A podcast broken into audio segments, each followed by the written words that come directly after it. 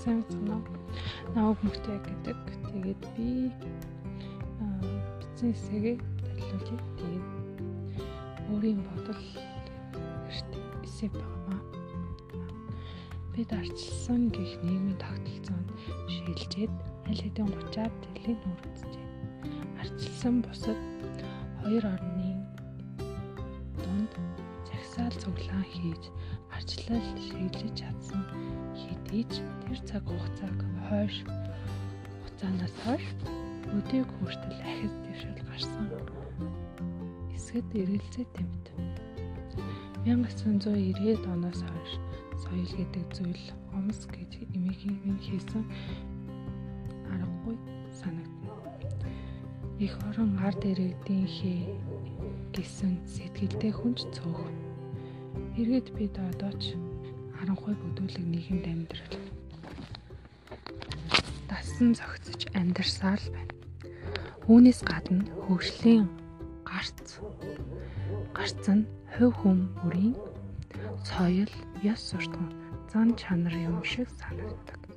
Монголчууд бид сайн яваа нэгэндээ дэмжих биш. Харин энэ надаас илүү гарчлаа гэсэн атаархуу сонин үзэлтэй хүмүүс. Бас эвлэл эвлэлт нь нэгдэж нэг зүйл хүрч чаддаггүй. Энийг тод илрэл гэвэл монголчууд багийн спортод амжилт гаргадаггүй. Үүний шалтгааныг бид цөөхүүлэхний шүү дээ гэсэн жижигхэн шалтгаанаар арга заах нь сонин. Мэдээж цөөхөлтний ч гэсэн эвлэлт нь нэгдэж чадах юм бол тэр зүйлд амжилт гаргахад чадна. Бас нэг нэгнийг хүндлэхгүй гэд маш олон саад дотгор хувь хүний хөгжил талаас харагдах юм аа.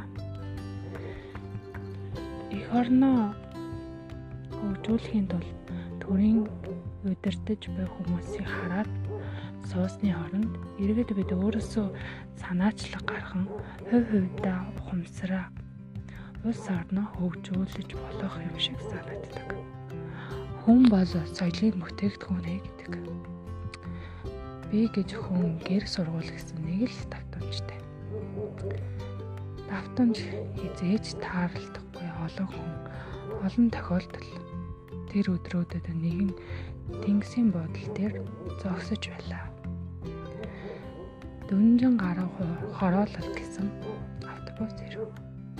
Автобус хэсэг зогсны дараа урд хаалгаар нэгэн ахмад насны ахыг жолооч хүчээр болгох нь харагдав.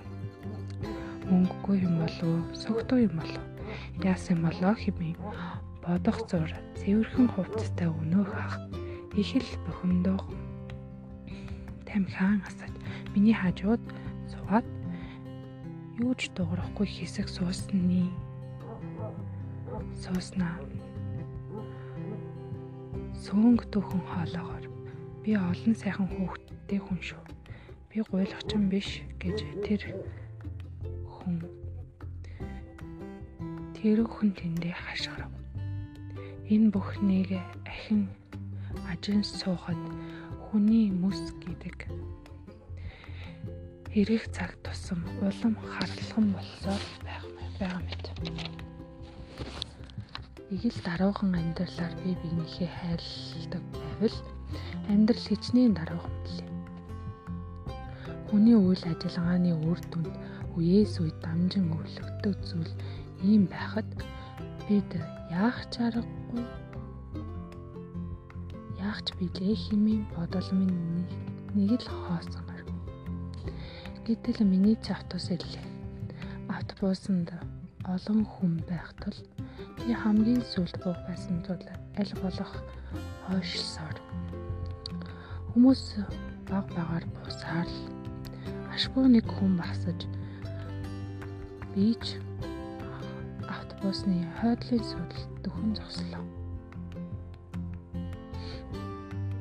Зогсож байтал автобусны арын суудалд сууж байсан. 4 5 дугаар ангийн болов. Хоёр хүүхдийг 60 иргэн буурал шуудал бос гэж зандраад хоёр суудал голлоо суучих юм. Би ч үүнийг дуугийг хараад өнгөрөөж чадсангүй. Та хүүхдүүдэд аятайхан хэлээд сууж болдоггүй юм уу гэтэл чамд хэлээгүй гэдэг байгаа. Би угаасаа зогсож байсан юм л да. Одоо энэ хүүхдүүд ийм хүмүүжлгүй гэх тэр хүний үгийг сонсох нь нэг л өндөө.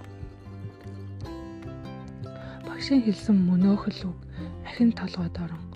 Би л ийм болдоггүй юм шүү хэмээн бодож.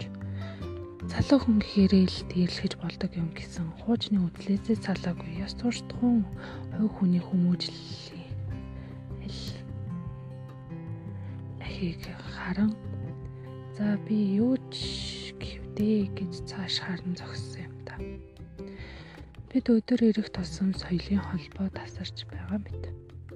Аливаа зүйлс жижиг зүйлсээр эхэлдэг бид дор бүрнээ нэгэндээ хүндлэлтэй харилцан нэг нэгний дэмжин зөв боловсон нийгэмд оролт оролцоод сурчвал нийгмийг нийгмийг бид бүгд дүүн нар мөн биднийг даган суралцах болно шүү дээ.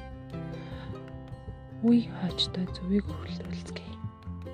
Анхаарал тавьсанд баярлалаа.